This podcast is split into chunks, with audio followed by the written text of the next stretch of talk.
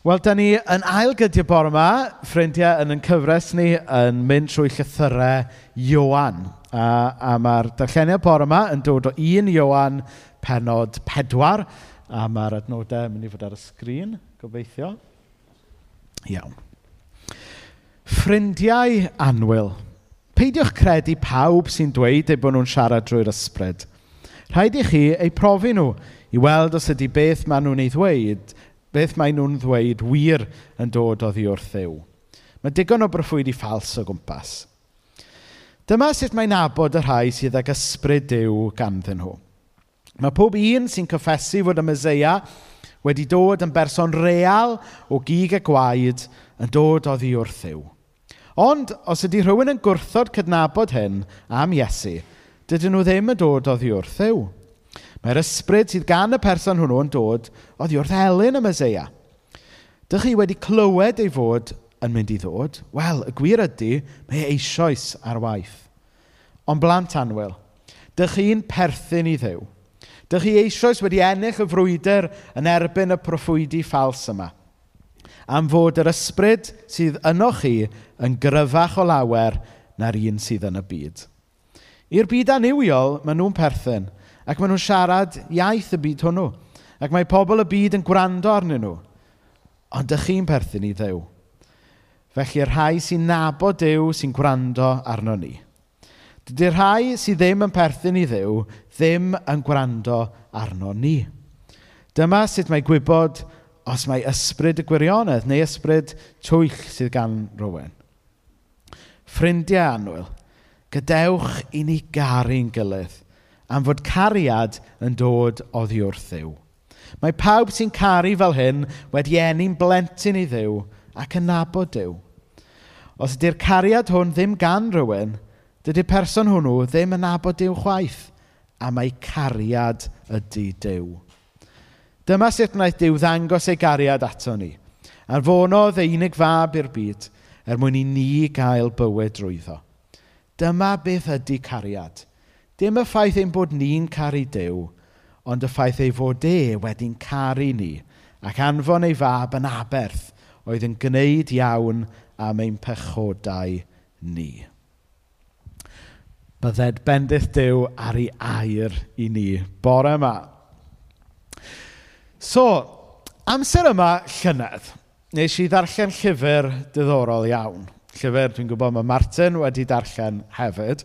A dwi wedi cael blwyddyn brysur, so dwi ddim wedi darllen gymaint hynny o lyfrau, so dwi'n recyclo dyfyniadau diddorol. Ac um, eisiau, i yn y llyfr yma, eisiau ar draws y dyfyniad yma gan ŵr o'r enw Carl Rayner, oedd yn dweud fel hyn. The devout Christian of the future will either be a mystic, one who has experienced something, or he will cease to be anything at all. Geiriau gath i ddeud hanner cam mlynedd yn ôl, yn, dros hanner cam mlynedd yn ôl, yn 1971. Geiriau proffwydol oedd yn gweld y byddai crefydd, um, chyfo, crefydd traddodiadol yn marw allan, y byddai chrysnogaeth jyst fel rhywbeth diwylliannol yn raddol y marw allan. A hanner cam mlynedd wedyn, ar ôl i'r dyn yma ddeud hyn, mae wedi dod yn wir yn do. Mae mwy a mwy o glwysi'n cael, mae mwy a mwy o gapeli'n cael. Ac, um, ac dros yr um, flwyddyn diwetha, da ni wedi cael yr ystadegau. Oedd yn deud bod llai na hanner pobl Cymru rwan yn deud bod nhw yn grisnogion. Er bod ni siŵr o fod yn meddwl bod y lefel hyd yn oed yn is na hynny. Ond mae o'n... Ar y caledi bod dan hanner poblogaeth Cymru yn deud rwan bod nhw ddim yn, um, yn grisnogion.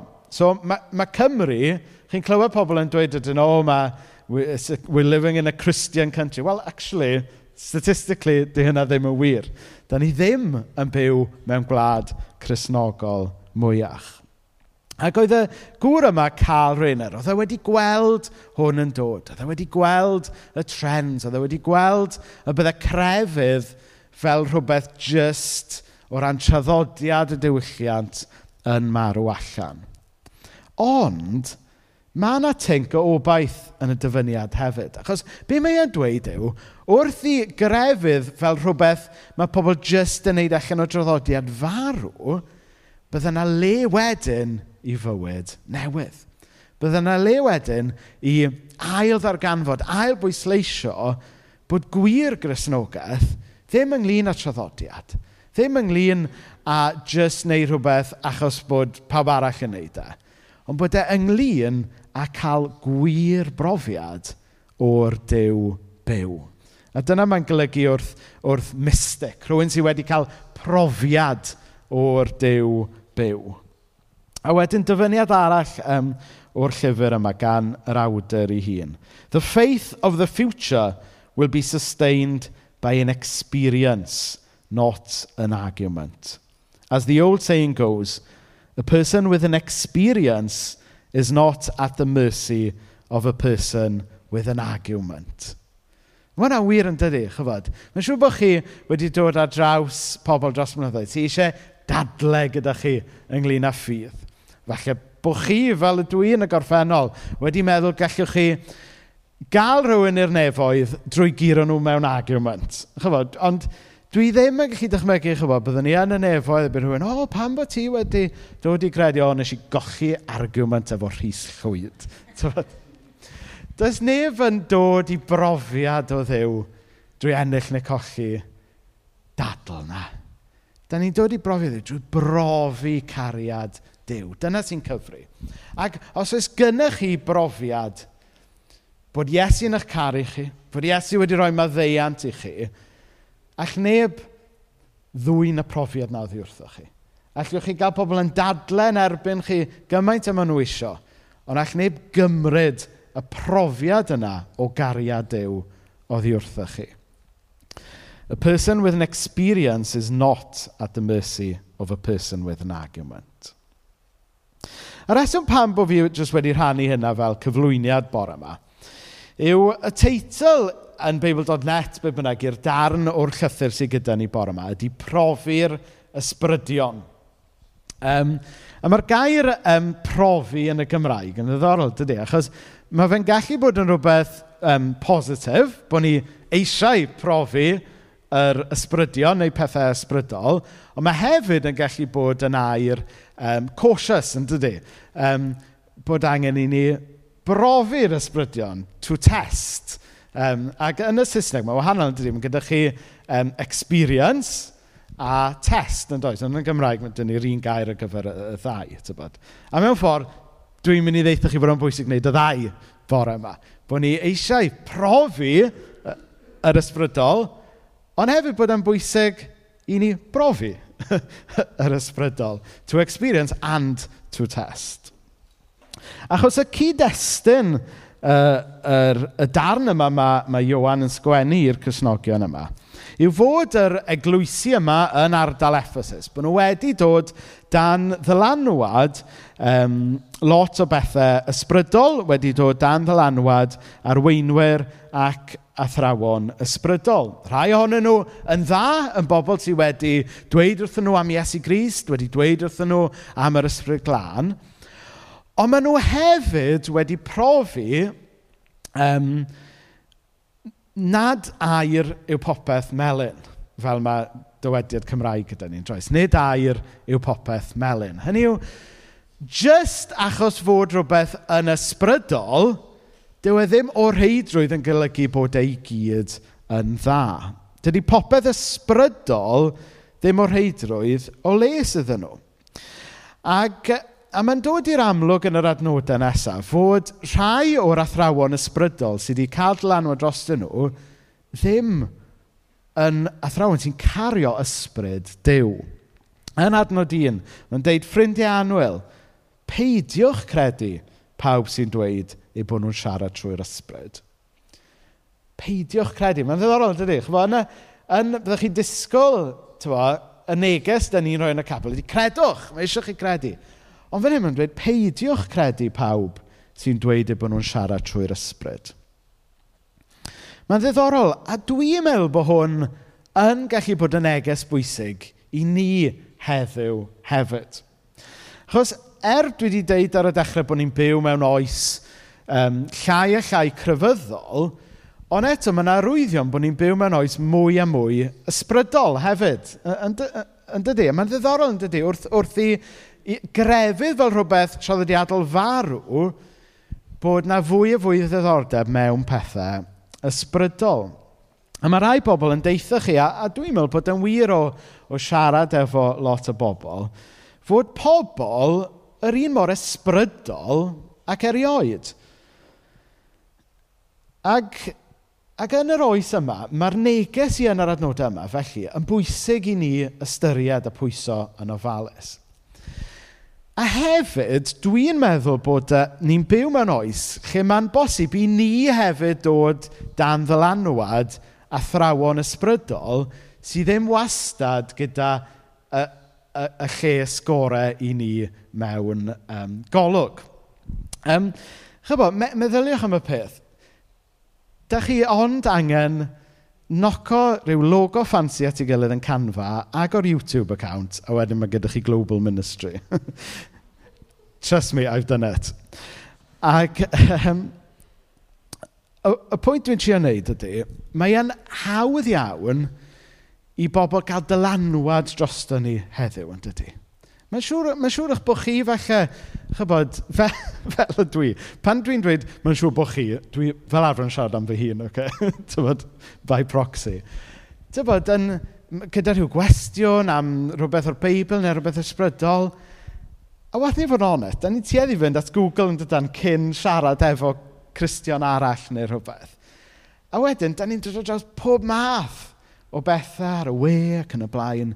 Gan hawdd iawn, da ni'n gallu mynd dan ddylanwad athrawon ysbrydol sydd ddim o reidrwydd yn dod allan o le o gariad Iesu Grist.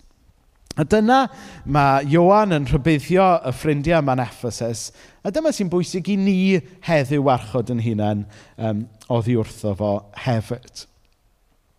Fel egrwys grisnogol, da ni yn agored i'r byd ysbrydol – Mae e yn bwysig bod ni yn agored i gael profiadau ysbrydol. Ond fel Eglwys Gristnogol, da ni ddim jyst yn diddordeb mewn spirituality mewn in a general sense. Da ni'n benodol a diddordeb profi yr ysbryd glân. Da ni yn benodol a diddordeb profi ysbryd Christ. Felly dwi ddim eisiau chanol chi, o oh, ie, yeah, jyst cewch allan i brofi rhywbeth ysbrydol. Na, dwi eisiau chi brofi yr ysbryd glân. Yr ysbryd glân sydd ddim yn condemnio, ond yn dangos Christ.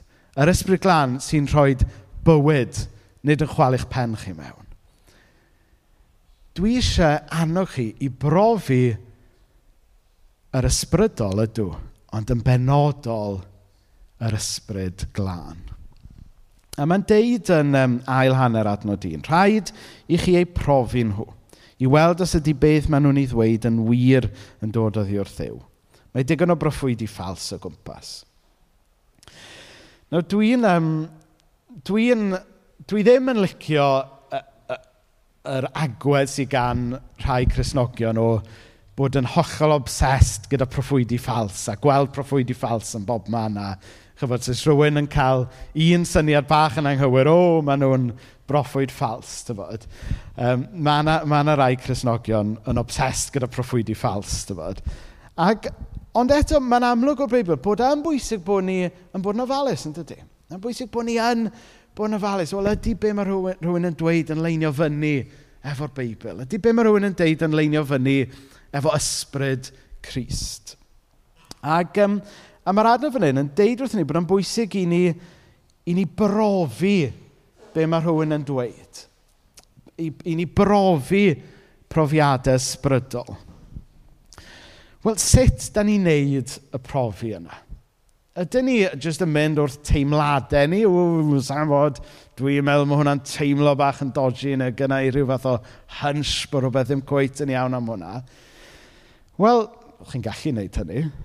A weithiau mae Dyw, chybod, yn, yn nydio ni rhai cyfeiriadau. Ond, yn yr adnod yma, mae'n dweithio ni fod gyda ni rhywbeth pendant iawn i brofi profiad ysbrydol yn ei erbyn. Um, adnod 2 ac adnod 3. Dyma sut mae nabod y rhai sydd ag ysbryd yw ganddyn nhw. Mae pob un sy'n cyffesu fod y Meseia Iesu wedi dod yn berson real o gig a gwaed yn dod oddi wrth ddiw. Ond os ydy rhywun yn gwrthod cydnabod hyn am Iesu, dydy hwnnw ddim yn dod oddi wrth ddiw. So basically, y ffordd da ni yn y byd ysbrydol yma sy'n llawn syniadau ysbrydol, y ffordd da ni'n gallu profi os ydy rhywbeth yn dod oddi wrth ddiw, ydy dal o fyny yn erbyn Iesu Grist. Yn syml iawn. Meddyliwch nawr, chyfo os ydych chi wedi torri asgwrn neu rhywbeth, pwy sydd wedi torri asgwrn yma? Cwestiwn bizar i ofyn am ffordd i syl. Na ni, cwbl o bobl wedi torri esgyn. A wedyn, pan oeddech chi yn, um, yn yr ysbyty neu be bynnag, chybod, mae chi'n cael yr x-ray, a, ond chi methu cweit gweld yn iawn beth sy'n ymlaen yn x-ray, tan bod chi'n dal o fyny yn erbyn y golau yna. Wedyn, pan ydych chi'n dal o fyny yn erbyn y golau, da chi'n gallu gweld wedyn beth sydd yn mynd ymlaen. A mewn ffordd, Dyma sut da ni yn gallu gwneud sens o bethau ysbrydol. Dal o fyny yn erbyn goleuni Crist. Ac wrth ddal o fyny yn erbyn goleuni Crist, da ni wedyn yn gallu gweld os ydy o'n rhywbeth sy'n dod oddi wrth Grist neu yn dod o rhywle arall. Achos mae yna bwerau ysbrydol drwg yn y byd hefyd, a mae'n bwysig bod ni'n ymwybodol o hynny. So mae'n dweud fan hyn yn yr adran, mae'r ffordd o wybod os, os ydy rhywbeth ysbrydol yn dod gan, gan Christ yw um, drwy gyffes. Ydy rhywun yn cyffesu fod Iesu um, y Myseia am berson real o gig a gwaed yn dod o ddi wrth ddiw. Ydy rhywun yn cyffesu bod nhw'n credu mae Iesu Grist o Nazareth yw'r Myseia y Dyw ddyn. Cyffesu. Be ydy cyffesu? Cyffesu. Wel, mewn cyn cymryd y cymryd mewn munud, byddwn ni yn cyffesu y credo apostolaidd, sef byddwn ni'n dweud be da ni yn ei gredu. A mae hwnna'n un rhan o cyffesu, sef dweud bod ni yn credu yn Iesu Grist. Ond mae cyffesu yn rhywbeth dyfnach na dim ond geiriau hefyd. Mae cyffesu hefyd ynglyn â dangos bod ni yn byw be da ni yn ei gredu. So, da ni'n gallu cyffesu Christ drwy literally dweud, dwi yn credu yn Iesu Grist, ond hefyd wedyn byw bywyd mewn ffordd sy'n dangos Christ. So mae cyffesu yn digwydd ar ddau lefel. Yn y ffordd da ni yn literally dweud a cyffesu, ond hefyd bod yn bywyd ni hefyd yn cyffesu Christ. Ac os, os gai fod yn onest efo chi am eiliad, oedd yna gyfnod yn y mywyd i pan o'n i rhywfaint yn iau, le o'n i'n eitha hot ar y cyffesu ar bapur, tybod? O'n i yn credu ar bapur yn yr holl bethau pwysig, so o'n i'n gallu adrodd 5 pwynt Calvin i chi, so o'n i'n gwybod um, cyffesiadau ffydd pawb tu mewn, tu allan. So ni'n gallu esbonio holl details y ffydd grisnogol i chi. Hynny yw, fyny, fy, fyny fan hyn, o'n i yn cyffesu Christ, ond oedd yn aml ar goll fan hyn. A mae gwir cyffesu Christ yn rhywbeth dylech chi fod yn neud, ie, yn y ffordd da chi'n meddwl a credu a siarad, ond y ffordd, yn agwedd eich calon chi hefyd. Ydych chi yn caru Christ? Neu jyst yn dweud bod chi'n credu ynddo fe. Ydy eich bywyd chi yn dangos bod chi wir yn credu beth ydych chi'n deud ydych chi'n credu? Ydyn ni'n cyffesu Christ efo pob rhan o'n bod? Nawr, yn yr adnodau nesaf, mae'r ma um, Beibl um, mewn sawl lle ac yn yr adnodau sydd gen i bod yma, yn, so, yn yn rhybuddio ni am y frwydr ysbrydol da ni ynddo. A da ni gyd yn ymwybodol bod ni mewn brwydr ysbrydol yn dydyn. Achos os meddyliwch am eich bywyd um, chi'n gyffredinol yn arbennig ynglyn â'ch bywyd ysbrydol. Profiad pob Cristion yw bod chi weithiau'n cymryd cam ymlaen yn eich ffydd a wedyn yn cymryd dau cam yn ôl. Mae pethau mynd yn dda yn eich bywyd ysbrydol chi, A wedyn mae rhywbeth hollol anusgwyl yn, yn, yn meso pethau fyny ac yn chwalu'ch pen chi a dych chi'n mynd trwy amser anodd eto. A mae'n bwysig cofio bod ni mewn brwydr ysbrydol. A dydy'r ysbrydion um, drwg sydd yn y byd yma ddim eisiau Cresnogion lwyddo. Dyn nhw ddim eisiau'r eglwys Cresnogol i dyfu. A dyna pam, yn aml, fod cyfnodau ofendus yn eich bywyd chi yn bersonol neu yn, yn ein bywyd ni fel eglwys, hefyd mynd i fod yn gyfnod llawn heriau. Achos y mwyaf mae Dyw yn, yn bendithio rhywun, neu'n neu bendithio ardal, neu'n bendithio eglwys, y mwyaf fydd yr un drwg wedyn yn trio tanseilio pethau. Da ni'n rhan um, o frwydr ysbrydol. Ond, un peth, un peth dwi'n cofio yn had cu yn dweud, a Hadci yn, um, yn weinidog, oedd mae'n bwysig i ni fel Cresnogion fod yn ymwybodol o ysbrydion drwg, ond mae hefyd yn bwysig i ni beidio rhoi gormod o sylw iddo fe, chyfod, a mynd yn obsessed gyda fe. A wedyn, chyfod, meddwl o, tybod, rhyw fath o, ie, yeah, mynd dros ben llestri gyda fe. Mae'n bwysig bod yn awyr o'r peth, ond peidio gadael iddo fe fod yn gysgod drosto ni chwaith. A rheswm pam yw fel mae'r adnodau gyda ni, erbyn adnod pedwar, dydy Iwan ddim yn dwelio ar, ar hyn, ond mae'n mynd yn syth i annog y Cresnogion. Adnod pedwar, mae'n dweud bod nhw'n blant anwyl. Mae'n dweud bod nhw'n perthyn i ddew. A mae'n atgoffa nhw fod nhw eisoes wedi ennill y frwydr, a fod yr ysbryd sydd gyda nhw yn gryfach o lawer na'r un sydd yn y byd. Felly, oherwydd hynna, fel Cresnogion, er bod ni'n, falle, yn bwysig bod ni'n ymwybodol o, o ddylanwadau ac ysbrydion drwg yn y byd, fe allwn ni gael posture positif. Oherwydd atgyfodiad Iesu, bod ni eisoes wedi ennill. A mae Dyw o'n plaid ni, a da ni'n blant anwyl iddo fe. So, ie. Yeah. Chym yn clywed fi'n aml yn siarad am pethau fel hyn. Ond dyna pan mae'n dda neu cyfres. Ac pan mae stwff yn dod lan, dyna ni'n gallu trafod nhw wedyn. Dyma'r adnodau mynd ymlaen wedyn, adnod saith ymlaen, i sôn am, am be ydi ffrwyth yr ysbryd yma, sef yn syml iawn cariad a cariad sy'n dod oddi wrth yw. Adnod saith, ffrindiau anwyl, gadewch i ni garu'n gilydd, am fod cariad yn dod oddi wrth yw. Mae pawb sy'n caru fel hyn wedi enni'n blentyn i ddew ac yn nabod Duw. Dydy'r cariad hwn ddim gan rhywun, dydy'r person hwnnw ddim yn nabod Duw chwaith. A mae cariad ydy Duw. So mae hwnna'n ffordd o brofi os ydy rhywbeth um, ysbrydol yn dod oddi wrth ddew. Ydy e yn llawn cariad Duw.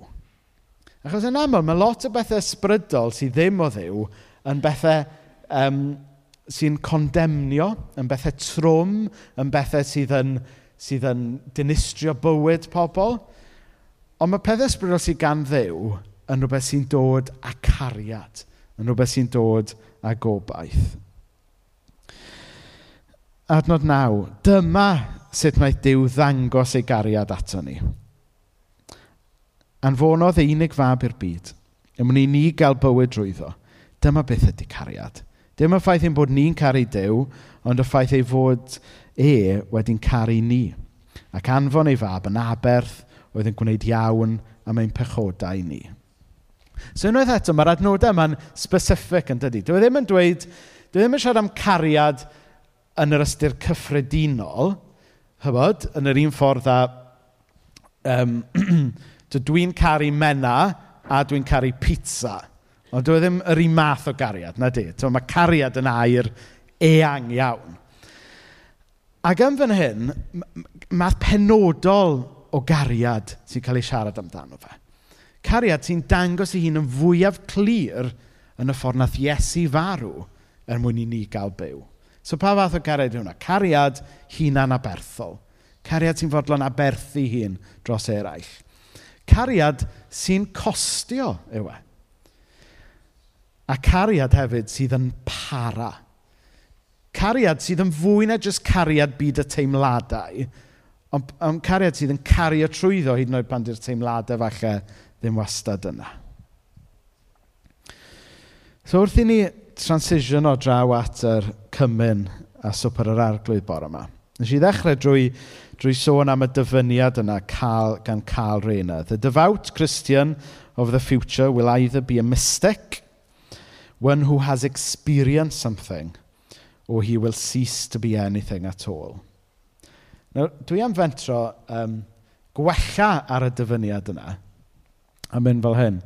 The devout Christian of the future will either be a mystic, one who has experienced someone, or he will cease to be anything at all. Dwi eisiau chi brofi pethau ysbrydol. Dwi eisiau ni fod yn eglwys sy'n ceisio pethau ysbrydol. Ond dwi eisiau ni brofi yr ysbrydol yng ngoleini ysbryd Christ.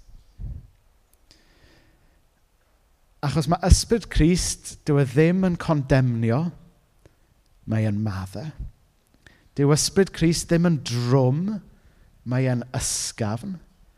Dyw ysbryd Crist ddim yn neud i chi deimlo yn wael amdanoch eich hun, ond mae e'n atgoffa chi bod chi'n blentyn iddo fe. Dyna'r math o brofiadau ysbrydol dwi eisiau chi gael. Dyma'r math o brofiadau ysbrydol dwi eisiau gael. A dyma'r math o brofiadau ysbrydol sy'n bosib i unrhyw un gael wrth ddod at Iesu a derbyn beth sy'n ganddo fe i ni.